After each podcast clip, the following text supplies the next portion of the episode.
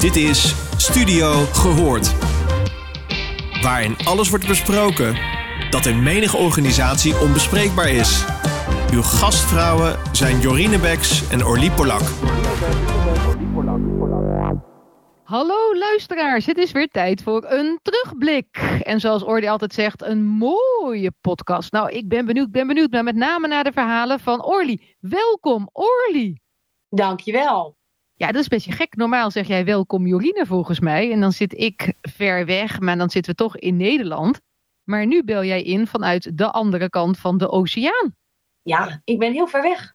Heel ver weg. En ik ben zo benieuwd hoe je het daar hebt. En mede door het nieuws, wat natuurlijk menig een heeft gehoord, gelezen, et cetera.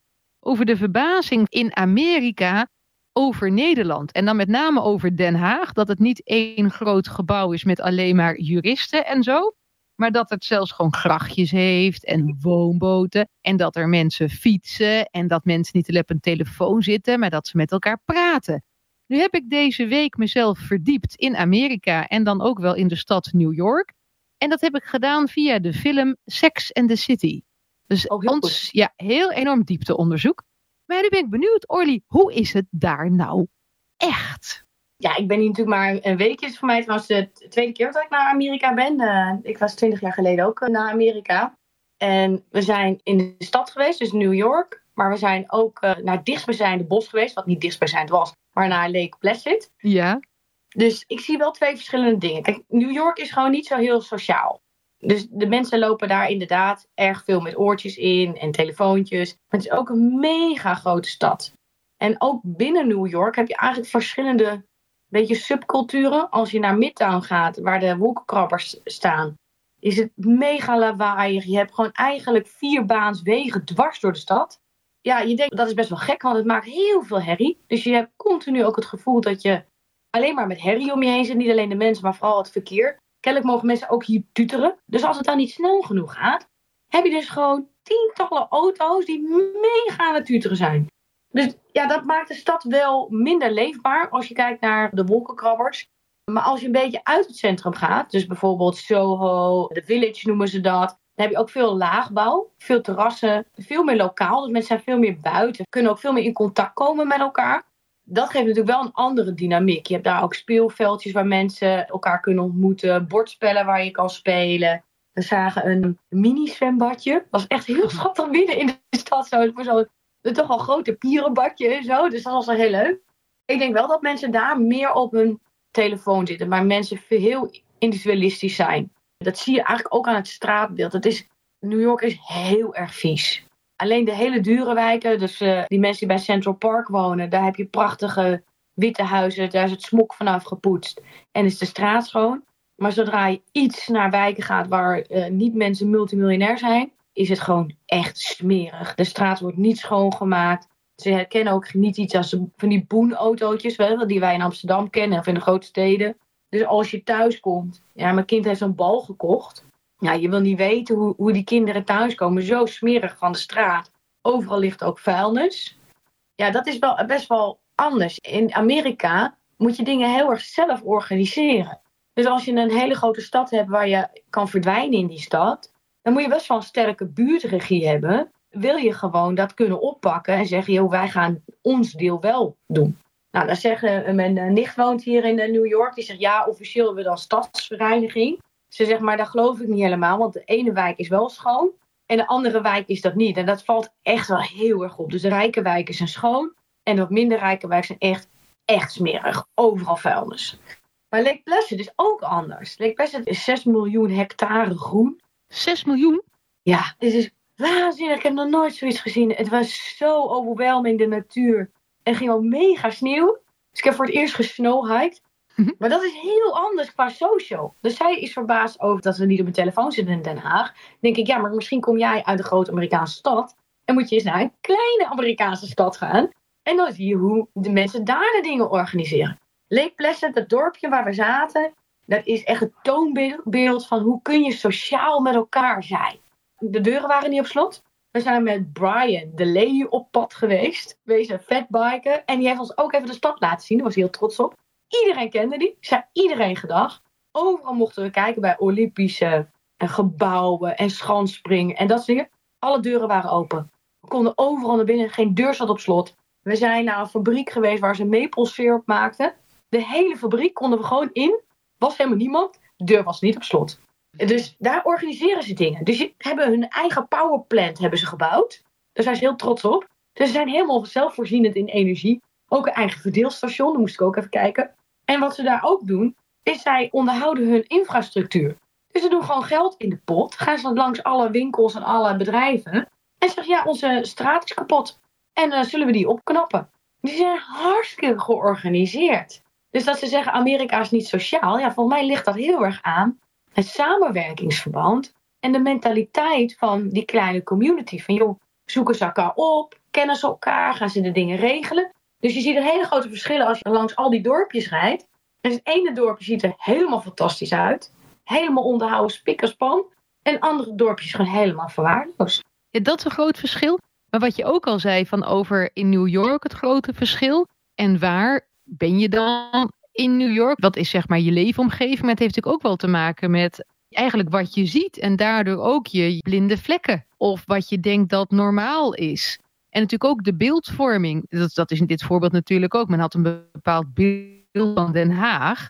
En dat was dus heel anders. Dus ook van tevoren. Dus ook al dat, dat vooroordeel. En dan in de realiteit is totaal anders. Maar wat jij zegt ook. Die invloed. En natuurlijk wat. Hoe kan het nou dat dat ene dorp wel dorp niet? Het doet me denken aan. Ja, gewoon naar een bedrijf. Dat je dan een team hebt. En die zit op een afdeling. En je hebt nog een team op dezelfde afdeling, hetzelfde bedrijf. Maar als je bij de een zit, dan krijg je energie, bruist het van de ideeën. Dan elkaar ook positiviteit. Oké, als het niet lekker gaat, dan hebben we het erover en we gaan weer door. En een ander team, nogmaals, zelfde organisatie, zelfde afdeling. Dat is één droef toeterig gebeuren of haat en nijd. En ideeën die zijn er niet. Er is ook geen tijd voor, ieder voor zich. Wat is dat toch?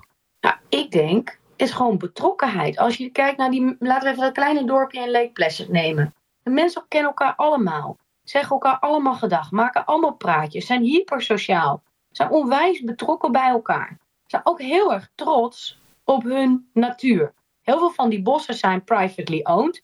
Dus die zijn helemaal niet van de staat. Daar staan allemaal uh, uh, dennenbomen in waar ze uh, syrup natuurlijk van maken. Ja, wij waren daar fietsen, zegt die man ook. Uh, hier heb je maple kom maar lekker proeven. Dus we gingen een praatje maken. En die zegt dan ook en passant, je mag wel in mijn bos fietsen. Dus dat is ook best wel grappig. Ze gunnen elkaar heel erg dingen, zijn eigenlijk ook actief betrokken bij hun gemeenschap. Ik haalde het lokale suffertje en dan publiceren ze, dat vind jij misschien wel grappig, cijfers over hoe het gaat op de middelbare school. Dus hoeveel incidenten zijn er geweest op de middelbare school? Hoeveel kinderen voelen zich gepest? Hoe voelen ze zich op school? Gewoon in de krant, hè? Wordt in de krant wordt alle cijfers besproken.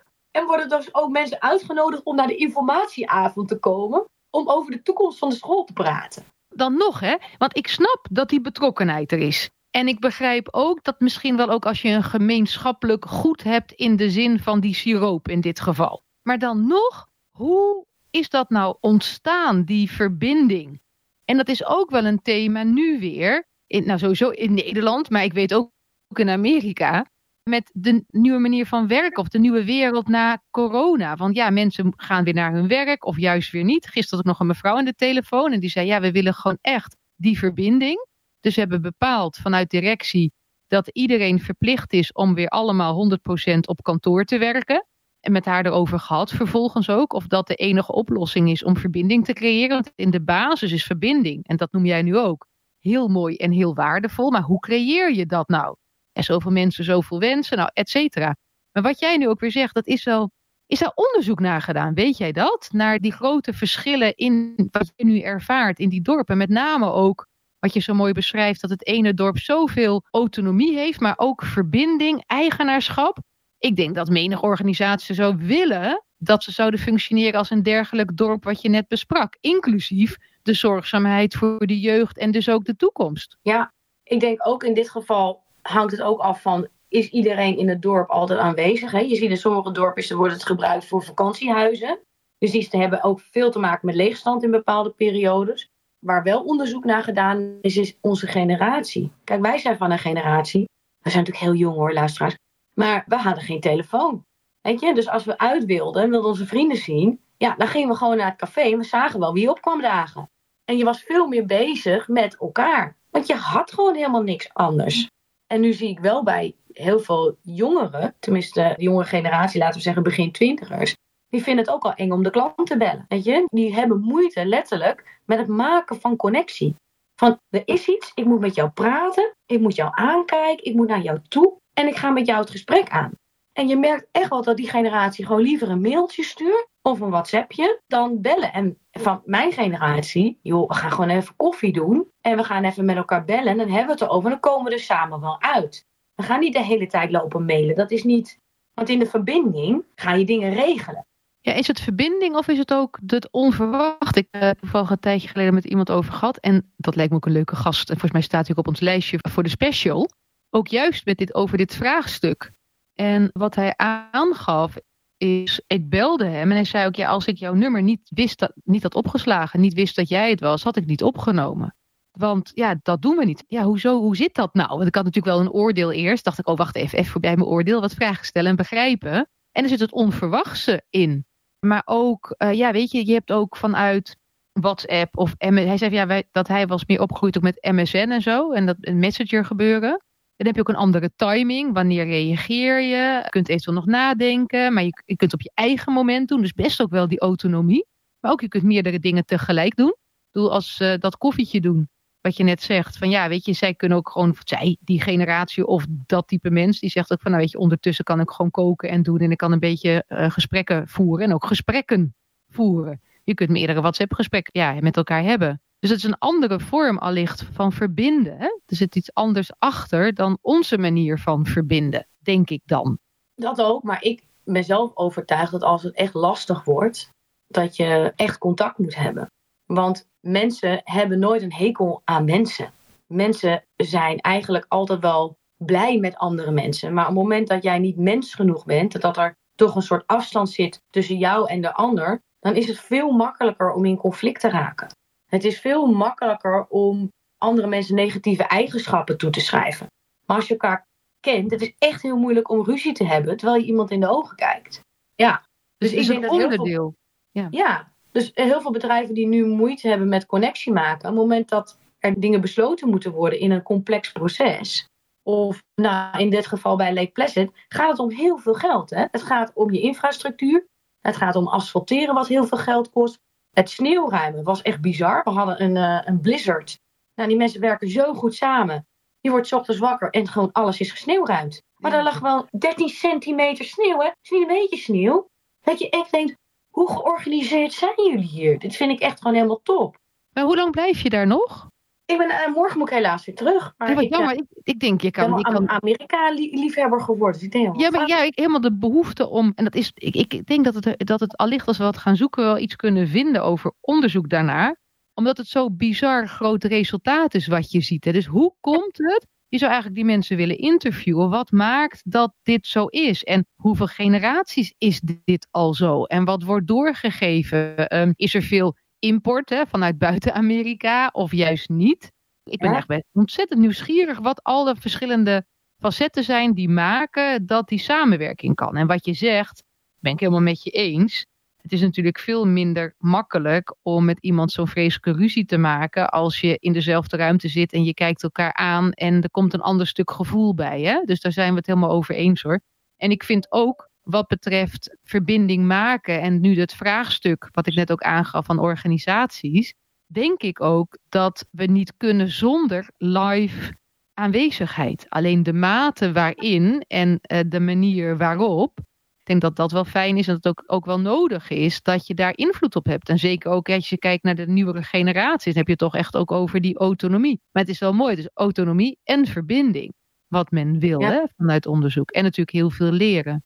Maar wat intrigerend. Is er nog iets waarvan je denkt, hè, want je hebt natuurlijk je eigen organisatie. Is er nog iets wat je denkt, goh, wat ik daar heb gezien in dat dorp, waar je volgens mij nog steeds eh, echt van onder de indruk bent en terecht, hè, wat ik hoor. Dat je denkt, jemig, hoe is het bij mijn eigen organisatie en wat zou ik daarvan mee willen nemen? Of welke, ja. Nou, misschien ook wel naar mijn community. Als je kijkt, Amerika is een heel duur land. En, en er zijn heel veel mensen die gewoon eigenlijk het niet kunnen betalen. En hoe zo'n dorp nadenkt over hoe kunnen we samen vooruit. Dus die energiecentrale, die is zo'n grote impact voor iedereen die daar woont, want zij hadden wel energie. Er waren een heleboel dorpen die hadden door de blizzard geen energie, dus ze hadden een blackout. Maar zij hadden allemaal wel stroom. En ze betalen ook heel weinig voor hun stroom. Dus de impact van hun samenwerken is niet alleen dat hun logistiek en de bereikbaarheid van hun dorp beter is, maar ook hun bedrijven kunnen blijven draaien, hun fabrieken kunnen blijven draaien, omdat ze na hebben gedacht over energie. En de mensen die het niet hebben, dus de arme mensen, betalen gewoon een fractie van de energieprijs dan wat ze in de rest van Amerika betalen. Dus wat ik denk dat heel erg inspirerend is, is dat je door eigenlijk met elkaar de schouders eronder te zetten en heel erg zoeken naar gemeenschappelijkheid en gemeenschappelijke doelen, dat je als zo'n klein dorpje als dat tot best wel hele grootse dingen in staat kan zijn. Dat neem ik wel mee. Want er was ook nog, en ik ben dit een beetje aan het zoeken, had ik gelezen volgens mij over de Pauluskerk in Rotterdam. Ik zag daar een bijdrage, ja hier heb ik hem. Huisarts en straatarts en journalist Michelle van Tongerlo, die heeft daar een uh, bericht over geschreven vandaag. En dat doet me dit aan denken wat jij zegt. Eigenlijk de oproep tot saamhorigheid. En juist de ander zien. En dat hoe anders de ander het kan hebben. We hebben het er vaker over gehad. Over ook die jongeren in mijn stichting dan. Hè? Dat ik dan ook zei, ze houden me groot en tegelijk ook klein. In die zin, mijn bewustwording en uh, mijn zegeningen tellen. Weet je, dat stuk. Maar daarvoor moet je wel die ander zien. En moet je ook toegang hebben of jezelf toegang geven tot dat andere. Wat jij zegt in New York ook. Weet je, natuurlijk opgegroeid in de mooie schone huizen en kom je nooit in de armoede, dan denk je dat dat de wereld is. En dan kun je zelfs denken dat iedereen dat voor elkaar kan krijgen. Dus iemand die het niet heeft, ja, kom op zeg, dat is eigen schuld dikke bult. En wat ik nou las over in die post van Michelle van Tongerlo, is hoe schrijnend het geregeld is in Nederland met de zorg. Ik heb daar helemaal niet zo bij stilgestaan. En gelukkig is dan de Pauluskerk Rotterdam er. Dat als je als zwerver bent en er is iets aan de hand, dat je dus helemaal niet in een zorgverzekering zit. En als je dan dus wel naar bijvoorbeeld het ziekenhuis moet, en dat je daar staat en dat je dan gewoon direct moet afrekenen. Ja. En wat een paniek dat. Maar ook, ze heeft voorbeelden over een ambulance die dan ergens aankomt.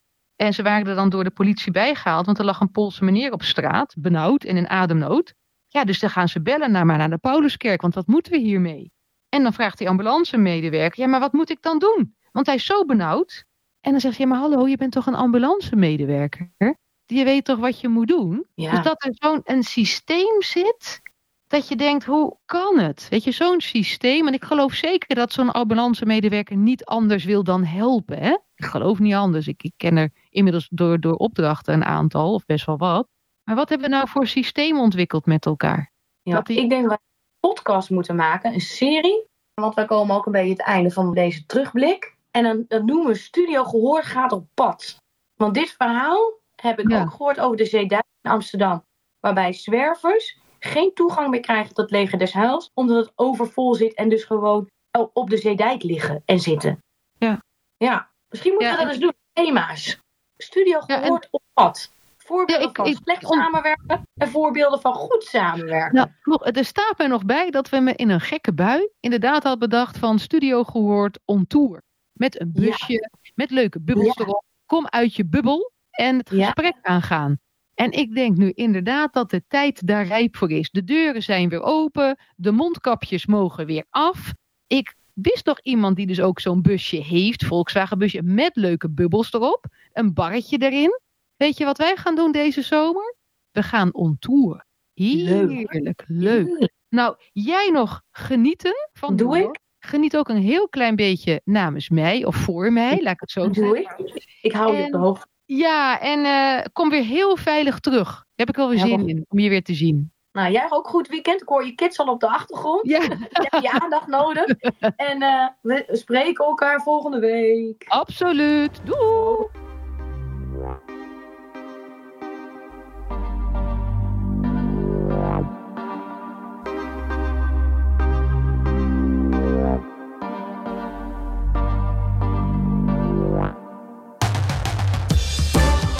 Luisterde naar Studio Gehoord. Vond je dit een leuke podcast? Laat dan een review achter bij jouw favoriete podcastplatform. Tot de volgende!